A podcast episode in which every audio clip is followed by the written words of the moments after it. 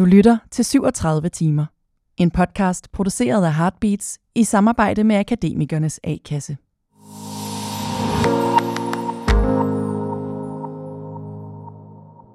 Den dag, hvor jeg sagde op, det var i december. Det var, sådan, det var i midten af måneden, faktisk. Normalt så venter man jo til sidst i måneden. Men jeg sagde op i midten, fordi jeg kunne simpelthen ikke gå med den længere, altså selv. Jeg havde bedt en chef om et, øh, et møde nogle dage inden, og havde sat det i, i vores kalender, og vi havde booket sådan en øhm, lille mute box, hvor man bare kan sidde to mennesker som en lille bitte sådan, øh, sådan tog øh, coupé-agtig. Og jeg kommer ind i den der togkupé før hende. Jeg husker, at mine hænder bare ligger sådan fladt på bordets overflade, fordi at den er kold, og jeg sveder bare så meget. Altså, jeg kan vidderligt lugte mig selv på det her tidspunkt, og klokken er 10 om formiddagen. Ikke? Jeg kan høre mine kollegaer pusle rundt udenfor, og jeg føler mig bare helt hvid i ansigtet. De snakker om nissevenner og alle sådan nogle ting, og jeg er bare sådan... Kan slet ikke overskue at være altså fysisk til stede i den her situation. Fordi det handler jo også om, synes jeg, at jeg svigter dem i virkeligheden. Ikke? Det her er Sebastian Lyngård, der fortæller om det øjeblik, hvor han forlader sit arbejdsliv i hamsterhjulet for at køre sit helt eget.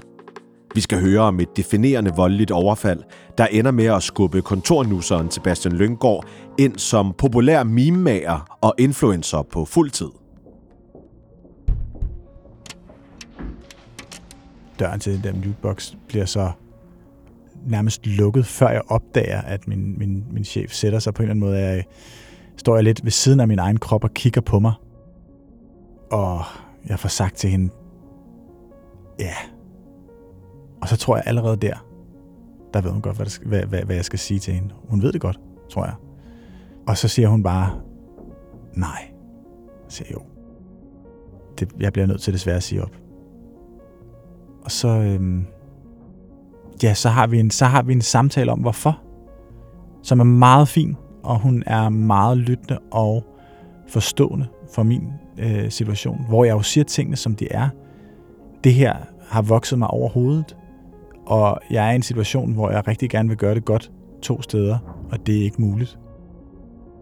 Og ja, jeg kan bare mærke, de der fucking tårer der, de bare presser sig på. Hun siger, hun regner ikke med, at der er noget, de kan gøre, for ligesom at få mig til at blive underforstået. Og så siger jeg bare, nej, nej, det, det, det tror jeg sgu ikke, der er. Det, det, det, det var der virkelig heller ikke. Altså, jeg skulle, jeg havde det som om, jeg skulle sove i et år. Altså, lave en såkaldt omvendt case.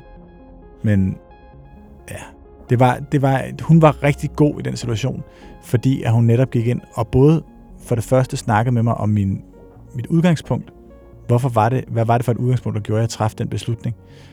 Og så gik hun ind på en respektfuld måde og prøvede at høre, kan vi indrette dit liv, dit arbejdsliv anderledes? Kan vi sørge for, at du har fri om mandagen, for eksempel? Kan vi sørge for, at, at, at du har en, en, en sammenhængende længere weekend, som gør, at du vil kunne give os lidt på arbejdspladsen, men stadigvæk noget. Og det havde jeg på en eller anden måde godt overvejet op i mit hoved, men jeg havde ligesom truffet beslutningen.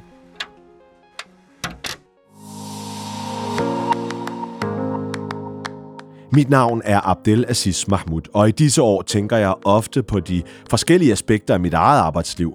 Om hvor, hvor meget og hvordan jeg arbejder.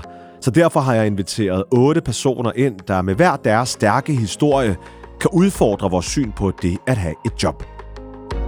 Og i dette afsnit 1 fortæller Sebastian Lyngård om at finde tryghed i det ukendte, nemlig som sit feministiske alter ego Herlige Svend.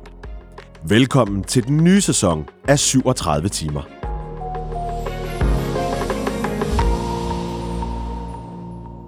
Men uh, Sebastian yes. Lyngård, lad os starte uh, der, hvor du ligesom er midt imellem to verdener. Mm-hmm. Øhm, den der meme-profil, Herlige Svend, ja.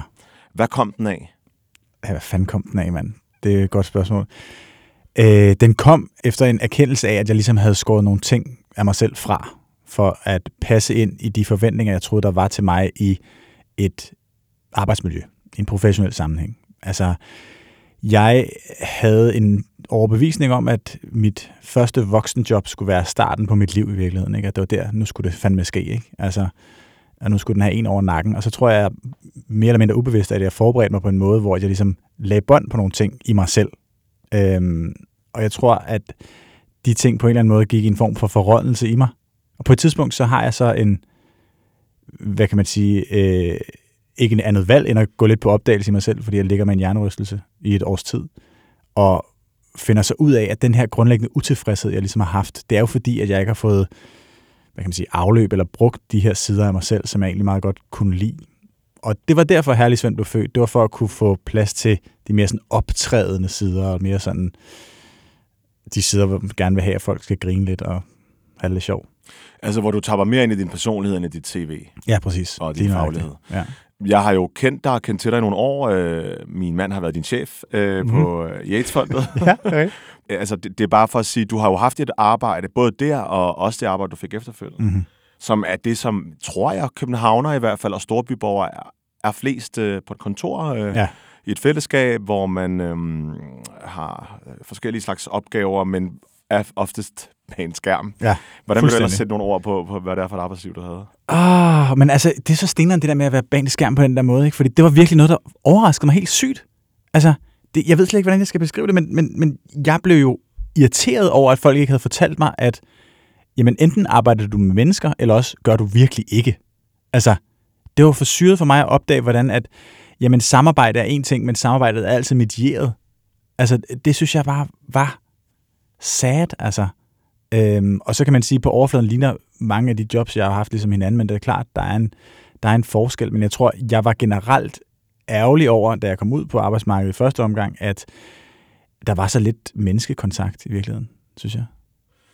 Retorisk uddannet. Ja. hvad har du for en uddannelse? Øh, jeg er uddannet i øh, retorik fra Københavns Universitet. Der har jeg en bachelor. Mm. Og så har jeg en kandidat fra øh, CBS i politisk kommunikation og ledelse. Okay. Og så gjorde det sidste har jeg ikke brugt til en skid. Nej. Altså ledelse. Fordi det vel det, man godt kunne sige, kunne godt kunne være noget med mennesker at gøre, eller hvad? Altså, hvis man øh, skal motivere, inspirere og lede og sådan noget. Ja, det, det kunne jeg forestille mig. Mm. Men den, den, hvad, altså, hvad gjorde du for at, at få et godt arbejdsliv? Fordi du siger, du var helt overrasket over, hvor lidt menneskekontakt der var. Prøvede du at præge det?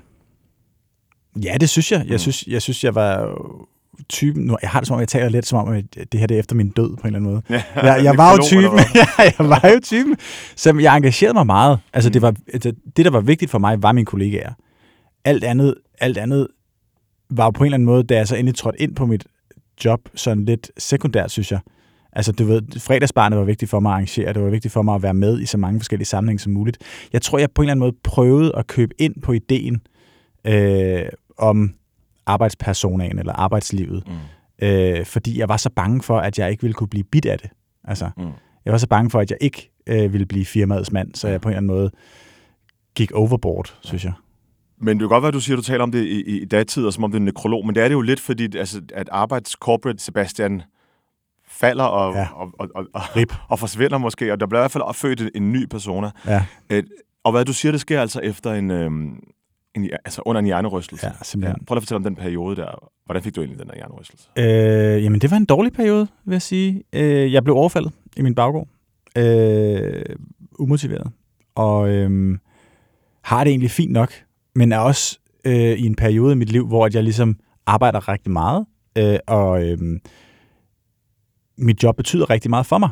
Øh, så du ved, der skal meget til, for at jeg ikke dukker op, for eksempel. Øh, men jeg er måske også en lille smule presset. Øh, og så ved man, at hvis man er en lille smule presset, og man samtidig får det her slag i hovedet, så er man mere udsat for sådan en hjernerystelse. Og det, der sker for mig, er, at der går faktisk omkring 10-12 dage, før at jeg simpelthen mærker øh, symptomerne for alvor.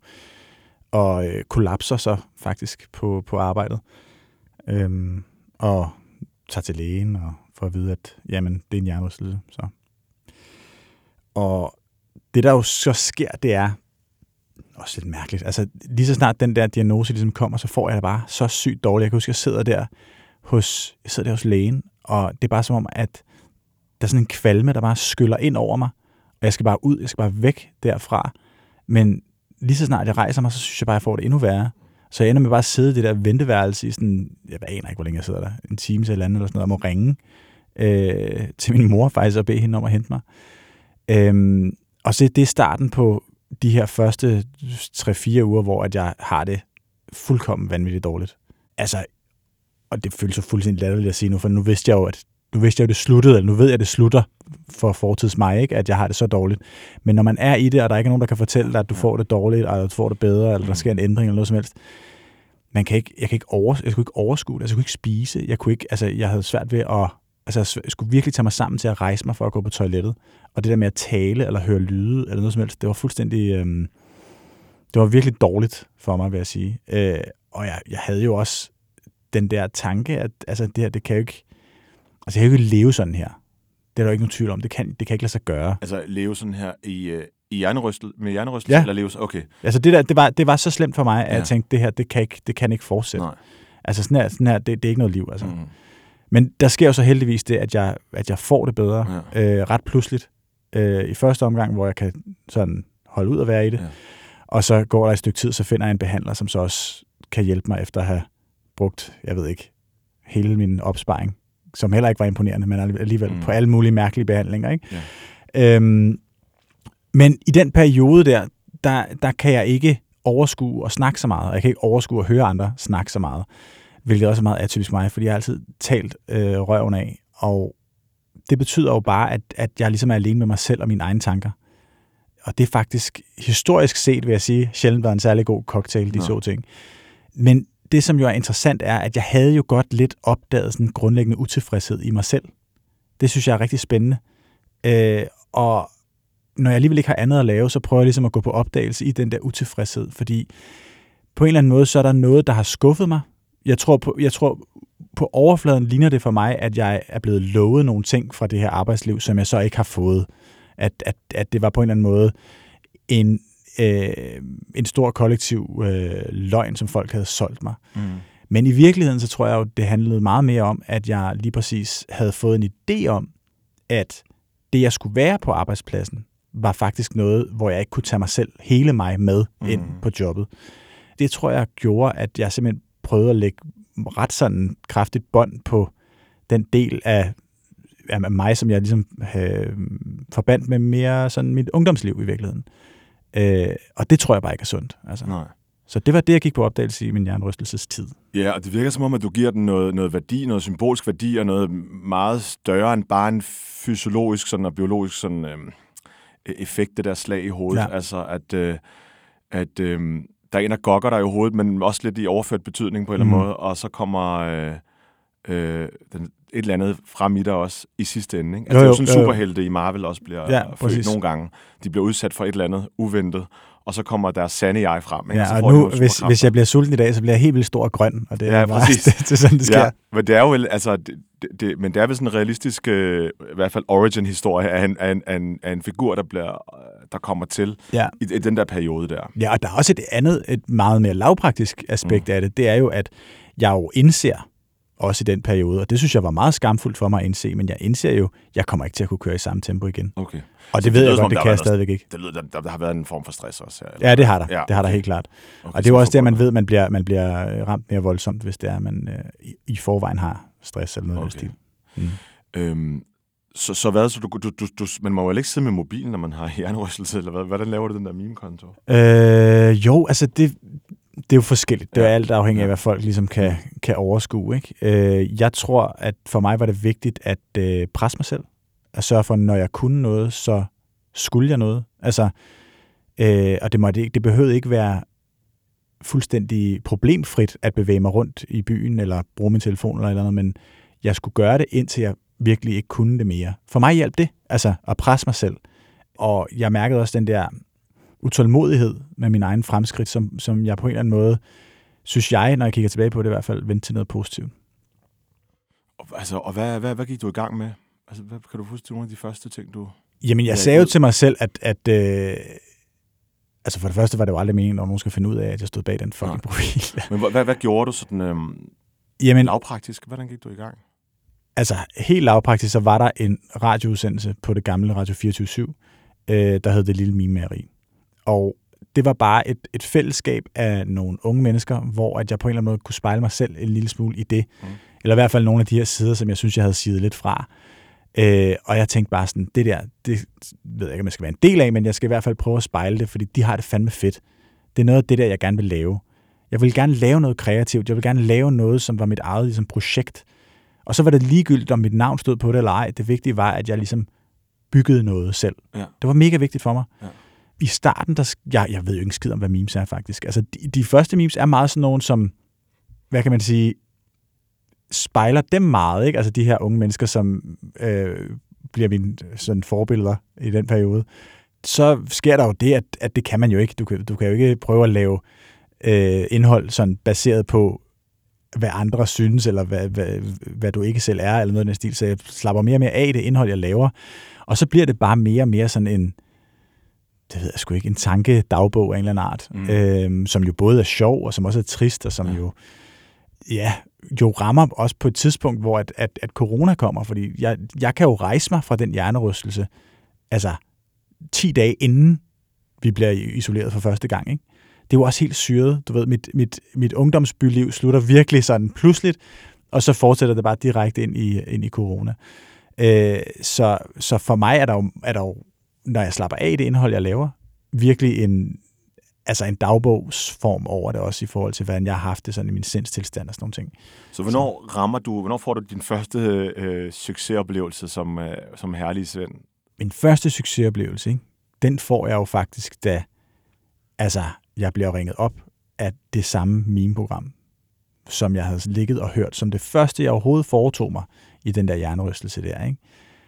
Fordi jeg kunne ikke høre en skid. Jeg kunne ikke, jeg kunne ikke holde ud at høre ting inde i mine ører, og så fik jeg kvalme. Ikke? Lige pludselig kunne jeg, og så hørte jeg radio, og der hørte jeg det program. De ringede sgu til mig et halvt år efter, og sagde, vi har sgu fået et afbud her i radioprogrammet, har du lyst til at komme ind? Der var jeg på røven. Der vil ja. jeg sige, det her, nu sker der noget. Ja.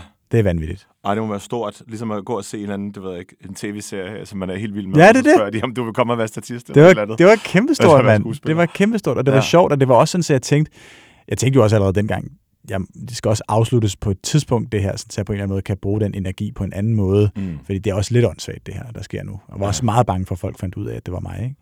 Så. Hvorfor var det vigtigt, at du var inkognito og hed noget andet? Det var, fordi det var så dårligt, det jeg lavede det.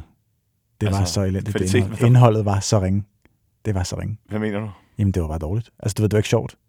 Det var ikke sjovt. Det, var, det blev jo, da jeg slappede mere og mere af det indhold der, så blev det jo bare nogle ting, som jeg lavede for mig selv. Mm.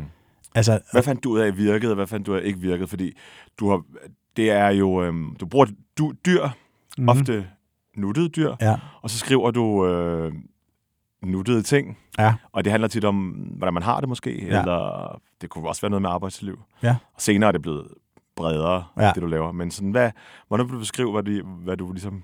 Altså i starten handlede det jo rigtig meget om arbejde. Mm. Altså fordi det var jo der, jeg også brugte så meget af min tid, ja. kan man sige. Ikke? Og det var der, jeg havde haft rigtig mange af mine frustrationer bygget op ja. også.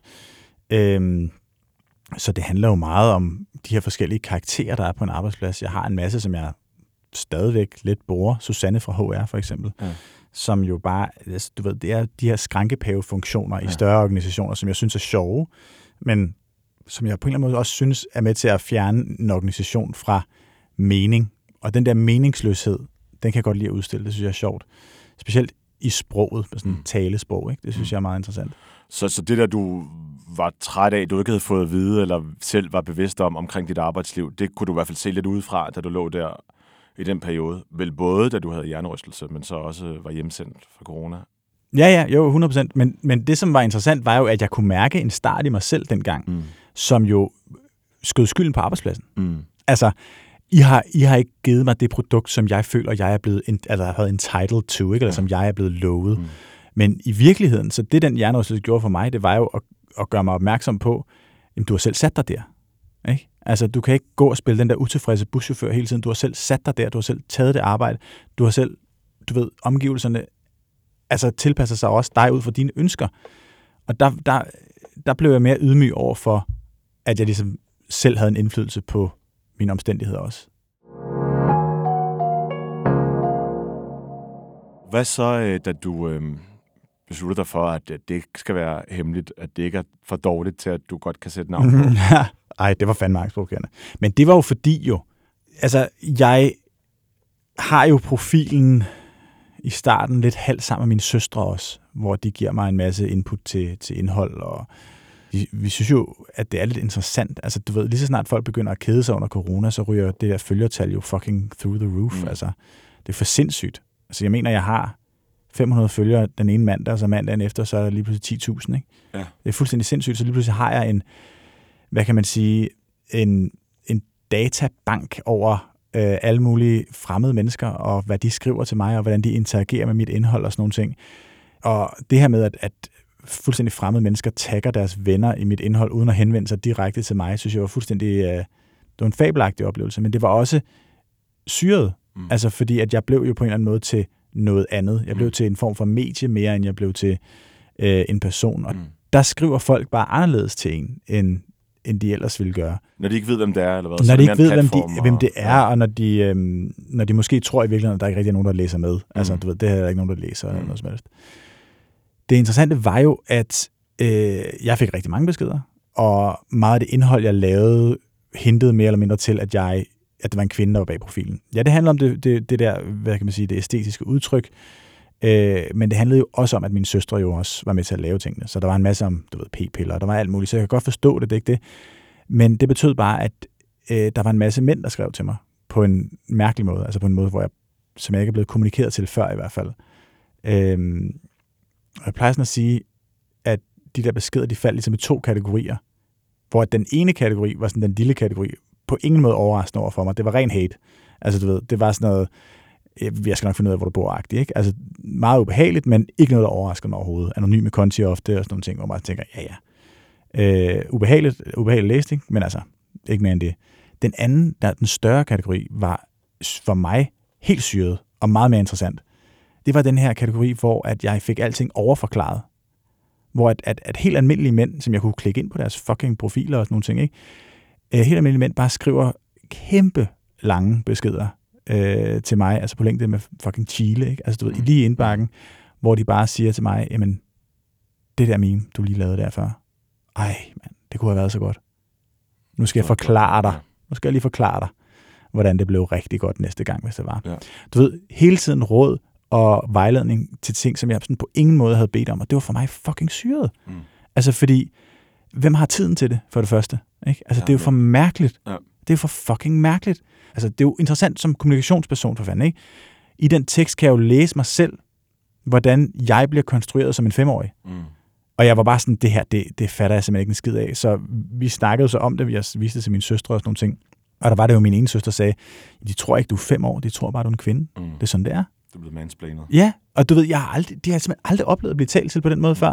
Og det, man bliver træt, og man bliver fucking sur øh, på en virkelig, virkelig syret måde. Øh, og det betød for mig, at, at jeg ligesom fik en, en form for mission. Altså, det var der, hvor jeg ligesom tænkte, det her, det bliver folk nødt til at vide.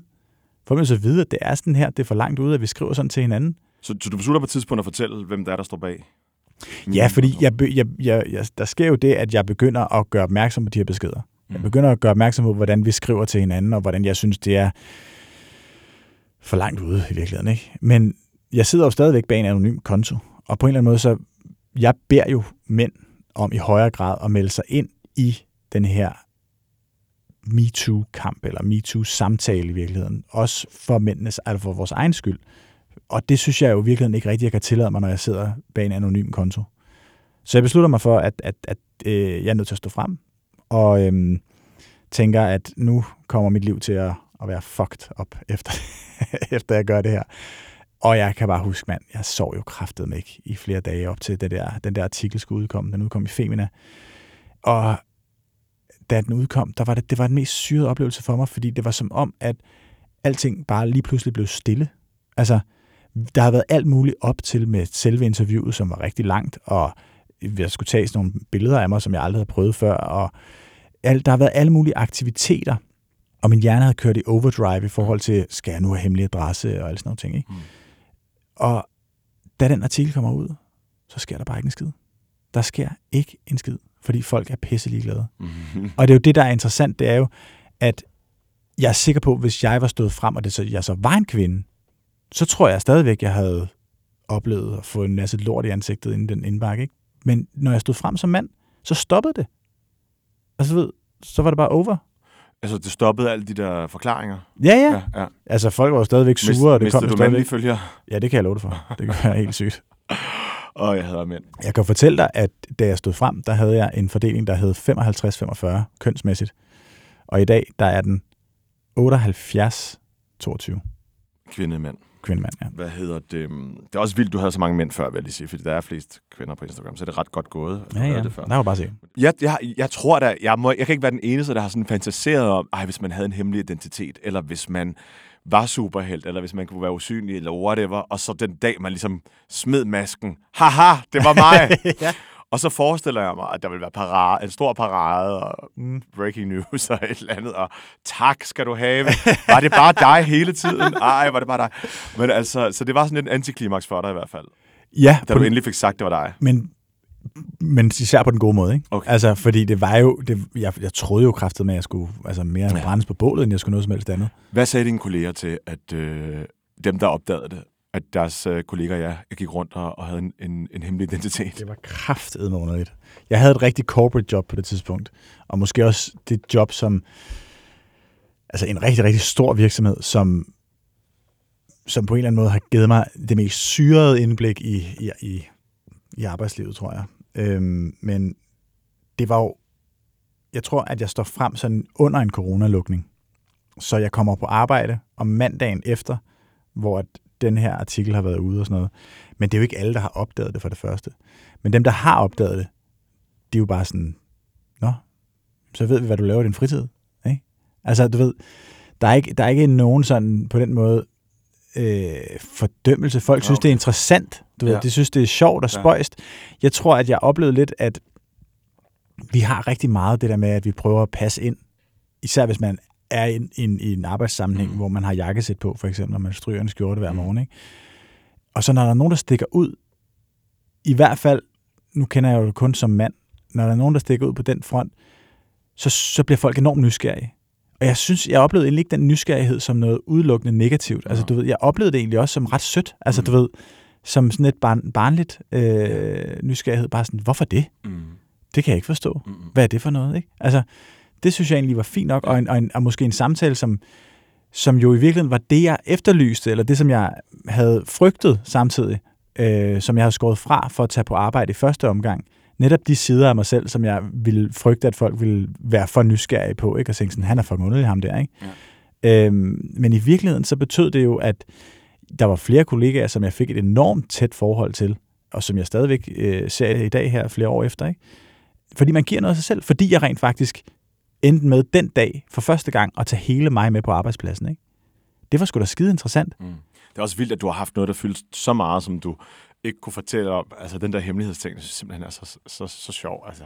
Men øh, jeg, jeg kan også godt spejle mig lidt i det der, fordi jeg havde et, et kontorjob, øh, øh, hvor jeg, øh, det var sådan noget helt tilbage i 2016, begyndte stille og roligt og 15, og, og skrive på sociale medier, øh, primært Twitter. Der synes jeg lidt, jeg havde en anden person, men det var stadig med mit navn. Mm. Men jeg tænkte en gang imellem sådan, åh, kan vide, om min chef eller kolleger synes, eller tror, at jeg ikke passer mit arbejde. Ja. Altså, fordi jeg, nogle gange var jeg der jo ikke, fordi jeg skulle være i Godmorgen Danmark. Eller ja. Nogle gange så var jeg i debatten på DR2, eller havde skrevet et avisindlæg, eller, eller, eller nogle gange, så gik der også virkelig bare shitstorm på min profil. Mm. Og så måtte jeg jo virkelig bruge lang tid på det, og tænkte hele tiden over det, og gik på toilettet for at sidde med mobilen, Mm-hmm. og prøve at redigere i det og sådan noget. Fyldte det nogensinde meget på, i din arbejdsdag, at du også havde det andet? Ja, det fyldte fucking meget, Okay. mand.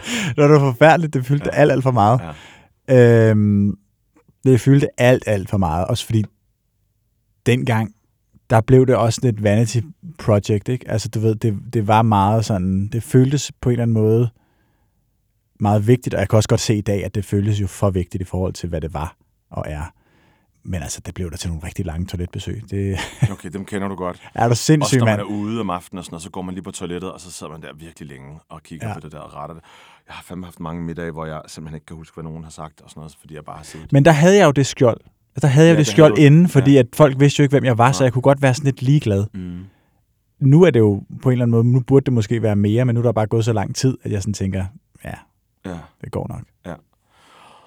Men du besluttede dig for, at du gerne vil skrive en bog. Altså, hvad, hvad gik det ud på? Bogen gik jo ud på på en eller anden måde at samle mine tanker. Mm. Altså, jeg tror, det var det, der var det vigtigste projekt. Det var faktisk, at jeg, jeg havde alle mulige tanker om det her emne, som jo var relativt nyt for mig, altså som var feminisme, og som var MeToo fra en, du ved, fra mændenes vinkel, øhm, som jeg havde alle mulige tanker om, men som jeg på en eller anden måde også havde skudt i alle mulige forskellige retninger, som jeg havde udtalt mig om forskellige steder, som jeg havde skrevet nogle opslag om øh, på forskellige tidspunkter og sådan nogle ting. Og på en eller anden måde, så var der en, en frygt i mig også, der var sådan, jamen der er bare en, der skal falde over et kabel over i USA, ikke? og så er den profil jo bare ude. Så på en eller anden måde, så ville, kunne jeg godt tænke mig at have samlet det hele sted. Så jeg begyndte at skrive noget, der slet ikke, det var ikke meningen, at det skulle være en bog til at starte med overhovedet. Altså det var sådan lidt mere dagbogsagtigt. Øhm, men det var en, en sjov situation, fordi jeg har aldrig hverken før eller siden oplevet at kunne skrive så meget så hurtigt.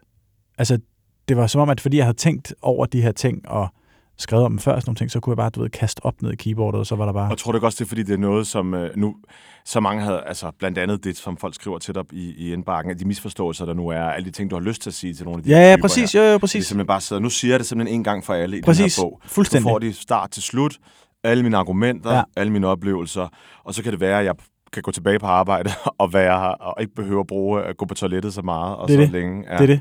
Det, øh, det var jo også en måde, ligesom, måske at sige, det var det. Ja, altså, Jamen, det er det, det kender jeg godt. Ja. Altså, du ved, så, så, så er det ligesom en sløjfe ja. På det, og så ja. den, den periode i mit liv ligesom forbi. Fordi det, der sker, er jo, at jeg beslutter mig jo for at sige mit job op, mm. fordi det er den her meget corporate kontekst, jeg er i, og slet ikke i tvivl om, at jeg skal sige det job op. Fordi nu skal jeg tilbage og have en ordentlig karriere.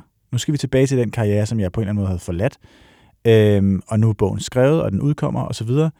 Øh, så jeg starter i et, et, øh, et kommunikationsbureau, og tænker, nu skal, den, altså nu skal jeg tilbage på LinkedIn som mit primære sociale medie, tror jeg på det tidspunkt, jeg tænker. Ikke? Men den bog udkommer samtidig med, at jeg har det her nye job.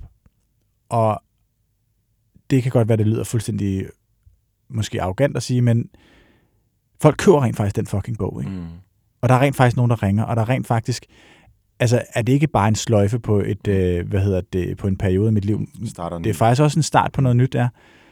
Og jeg tror, at jeg, jeg indser måske i virkeligheden ret hurtigt, at det her, det kan ikke lade sig gøre.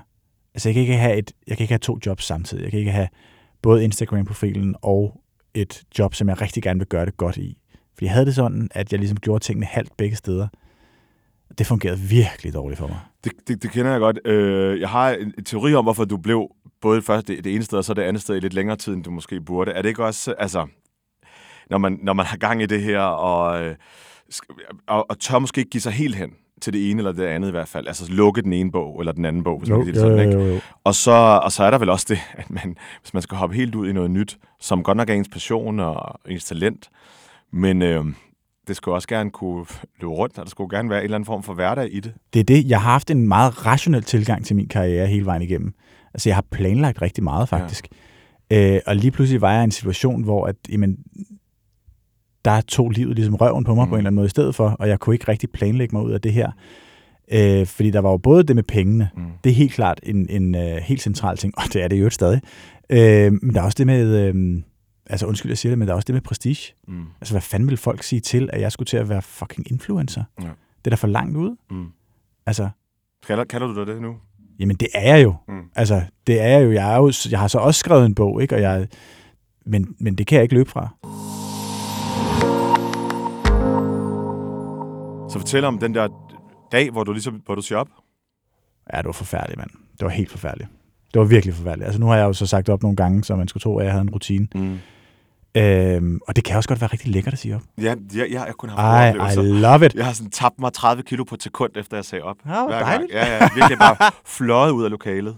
Jeg kan huske, at jeg sagde op i Irma en gang, efter jeg havde været der i fem år. Ja. Så havde man sådan nogle, øhm, man havde sådan nogle har slips. i Irma. Ja, ja, ja, ja, ja, ja, ja. Ej, min mormor var så stolt af mig. Ah, Øh, man havde sådan nogle slips, fordi at de kan blive, det ved jeg ikke, om man har alle steder, men slipset kan jo blive fanget i øh, det der bånd, der gør køre. Så man har sådan noget med velcro på. Så Okay. du kan, du kan Så bare du du kan rive dem af. Ja. Og så også fordi, at, at, at du unge arbejder ikke kan finde ud af at binde et slips. Måske også derfor, det er klart. Ja, ja. Øh, men der gik jeg simpelthen ind, i, øh, ind til chefen på et tidspunkt, og så rev jeg det der velcro-slips af, og så siger jeg, Dramatisk. jeg siger op. Ej, og kastede det hvorhen. Jeg kastede bare ned foran på. Ja. lige foran ham, og satte ild til det. Nej, det er godt. Og vedkommende var bare sådan, fint. Ja, ja, ja, præcis.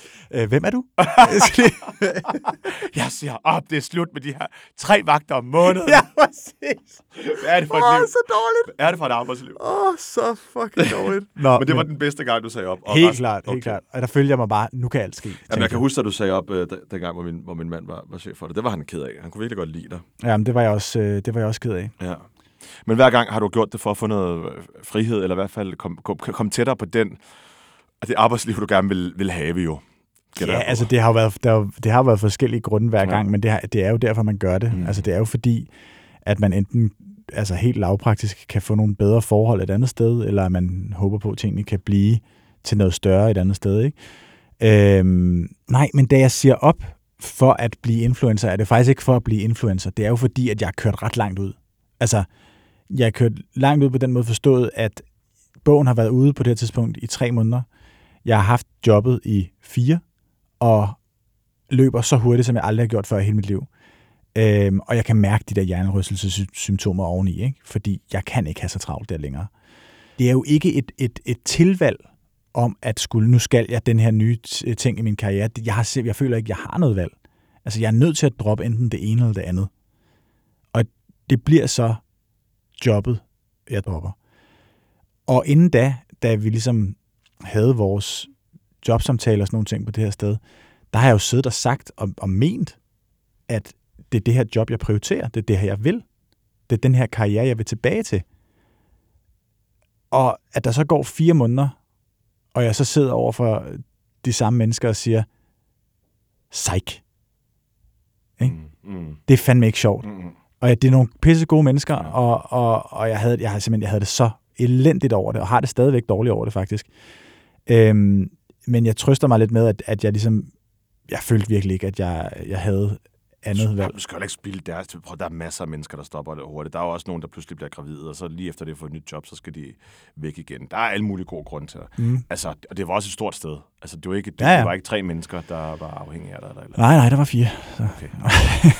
Nå, men hvad, så siger du op, og hvad, Så altså, kan du prøve lige at, um, at, at fortælle om, sådan, hvordan kommer man i gang med at være fuldtids det sig selv? er fandme et godt spørgsmål. Altså, der sker jo det.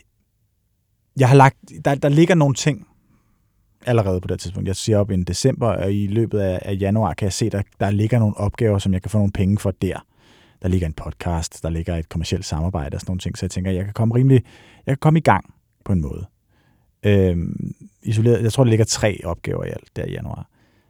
Men da vi så når til januar, som er så min sidste måned på den her arbejdsplads, så falder de her opgaver bare fra hinanden. Opgave efter opgave efter opgave. Og jeg kan så se, at der ligger ikke noget og venter på mig. Der ligger ikke noget som helst, faktisk. Så jeg er sådan lidt modvilligt i gang med at oprette firma og sådan nogle ting, fordi jeg tænker sådan, hvorfor skal jeg det egentlig? Jeg tjener jo kraften ikke nogen penge her. Men jeg kommer i kontakt med en agent, faktisk, som hedder Rigitte, og som øh, hjælper mig helt vildt meget med at strukturere ting og med at øh, mødes med folk på vegne af mig og sådan nogle ting, og sørge for, at der bliver sat nogle, nogle opgaver op, trods alt. Ja. Øhm, Og en opgave, altså, er det kun øhm, virksomheder, der vil have solgt noget i din, på din Instagram? det er det, er, det, er det kun sådan nogle slags opgaver? det, er det, og så er det foredrag. Og så er det Ja, foredrag. det er foredrag. Okay, og, så, og det er rart at have sådan en person, der har prøvet det før. Hun ved, øhm, hvordan man laver en kontrakt, Ja. øh, hvad du skal have for det. Præcis. Øhm, Det er især det der. Hold kæft, Ja. ja. mand, hvor har jeg solgt mig selv billigt. er det ikke rigtigt? det og, man, og man synes jo lidt, det er pinligt at sige et alt for højt beløb. Så det er ret rart, at nogen taler på vegne af en, og så tager de øh, den det bider kagen. Er du sindssyg, Ja. mand? Så kan du huske sådan lige sådan, nu, har, nu gør du det endelig, mm, Mhm, ikke også? Altså, ja. det er jo også, det kan godt være, det har været svært for selve den nye arbejdsgiver, som du så forlader igen. Men nu gør du det endelig. Nu er det, nu er det dig, at du har øh, sprunget ud med navn. Mm. Øh, du har mandsforræder bogen også, så du har noget at stå på også på en eller anden måde. Ja. Øh, man kan kalde sig forfatter, Ja. Øh, faktisk. Og så, og så har du den her, øh, den her agent. Kan, kan du ligesom huske de der, den her følelse af, sådan, nu, nu, er det, nu er det mig, altså er den angstprovokerende, eller er den øh, befriende? Jamen, det er jo en meget, meget mærkelig kombination af de to ting, ikke? Altså, fordi jeg kan huske de første dage der, hvor at jeg jo bare er mig selv, der sover jeg jo kraftet med to hele dage træk, tror jeg. Ja. Altså, jeg er fuldkommen destroyed på en eller anden måde. Ja. Øhm, og er jo lettet, det er jeg jo. Altså. Men der går jo ikke så lang tid, før at jeg begynder at kunne mærke, jamen, det er mig, der skal hive pengene hjem, altså, fordi ellers så er der ikke nogen, der gør det. Så lettelse om dagen, og når jeg skal lægge hovedet på puden om aftenen, så kommer øh, den øh, økonomiske stress lige og, og hiver en lidt i de hår, det hår, der Og, kan og det, er det, der, det er det, der er det sværeste ved... øh, Et er selvfølgelig at opfinde det, nu du skal opfinde, men det er det, der er sværeste ved at være sig selv, Mm. og ved, at øh, det er dine idéer, der skal blive til noget. Altså, du har ikke sådan noget... Du har ikke sådan en passiv indkomst. Du har ikke en masse produkter ude i butikkerne, som tjener penge for dig, Nej. selvom du tager på ferie eller har en sygedag. Nej. Du skal være til stede. helst, Man skal være der, ja, Ja. ja. præcis. Man skal og, være der. Ja, Øh, jeg, jeg, jeg, har ikke, jeg har ikke haft et arbejdsliv, som jeg har været gladere for end det her. Mm. Men samtidig har jeg heller ikke altså, tjent færre penge end nu. ja. Altså, det er helt, det er helt sådan åbent. Øh, Men du har også lige, jeg føler, du lige har startet, og jeg, jeg, jeg, det er lidt sjovt, fordi altså, vi kommer fra vidt forskellige verdener. Man kan virkelig spejle mig i din historie, og det der med at øh, blive sat fri og i virkeligheden kø. Jeg, jeg fik mange advarsler af min branche, det er selvfølgelig også journal- journalister, men de var meget sådan, du ved, du kan jo ikke gå og mene noget. Mm-hmm. Øhm, og jeg synes ikke rigtig, jeg mente noget. Jeg synes bare, jeg fortalte historier, ja. som så var fra mit eget liv primært, men det var ikke sådan, hvis jeg fortalte om, øhm, om altså min barndom på en villavej, så var det jo ikke, blandet mig ikke i boligpolitik, synes jeg. Jeg synes bare, jeg fortalte om min Ja. egen erfaring. ja. Jamen, der var nemlig en enkelt, øh, der sagde til mig sådan noget, øh, og en, jeg havde meget respekt for, en, en vært på en konkurrerende kanal, der sagde, nu kan du ikke gå tilbage og blive vært igen, det ved du godt, ikke? Altså, det er jo, det er jo så godt, det du gør, men det kan du jo ikke, for nu, er du, nu, ved, nu ved vi ligesom, hvem, hvem der er bag og sådan noget. Og øhm, Okay. så vil jeg bare sige, nu, nu arbejder jeg på et program, der er øhm, konkurrerende lidt med det program. Og jeg vil bare sige, jeg har aldrig haft det sjovere, jeg har aldrig lavet mere, og jeg har aldrig tjent flere penge. Så altså, det, det, det har været langsomt, det har taget syv år og sådan noget, og jeg har, men det er det der med, når man til sidst, til sidst så, alt det, jeg var bange for at gå hen de veje, med for eksempel at mene noget, men mene noget med, med afsæt i dit eget liv, det, det, har, det har givet på det, altså, når man slapper fuldstændig af i det, Men det er jo det autentiske selv jo. Mm. Altså, det er jo det, der er mega interessant. Altså, Ja. fordi det var jo lige præcis det, jeg gjorde. Altså, ligegyldigt hvad, hvordan jeg vender og drejer det, så har det her jo også været en kæmpe lang øh, selvudviklingsrejse for mig, hvor jeg ligesom har på en eller anden måde insisteret på over for mig selv, at have hele mig med i det. Ja. Og det har jeg nu, og det er fucking afslappende ikke at skulle altså, have den der professionelle maske på på noget Ja. som helst tidspunkt. Ja. Det er bare, bare mig, det er pakken. Det er sådan her, jeg er. Er der nogle gange, hvor du øh, tænker, mm, den her holder nok så så lang tid, så skal jeg sgu nok til at finde mig et rigtigt arbejde? Ja, helt klart. Altså målet er, øh, målet er at kunne klare mig et års tid, øh, og så øh, have skrevet et manuskript til en ny bog Okay. øh, i løbet af det her år. Og, Altså, og selvfølgelig, jeg... jeg går ud fra en bog, fordi du gerne, der er noget, du gerne vil sige, men vel også en bog, fordi at sådan bliver dit, dit nye jul også, at, at efter nogle vis, vis år, så kommer der en ny øh, bog, som sætter en ny dagsorden, eller giver dig en ny retning.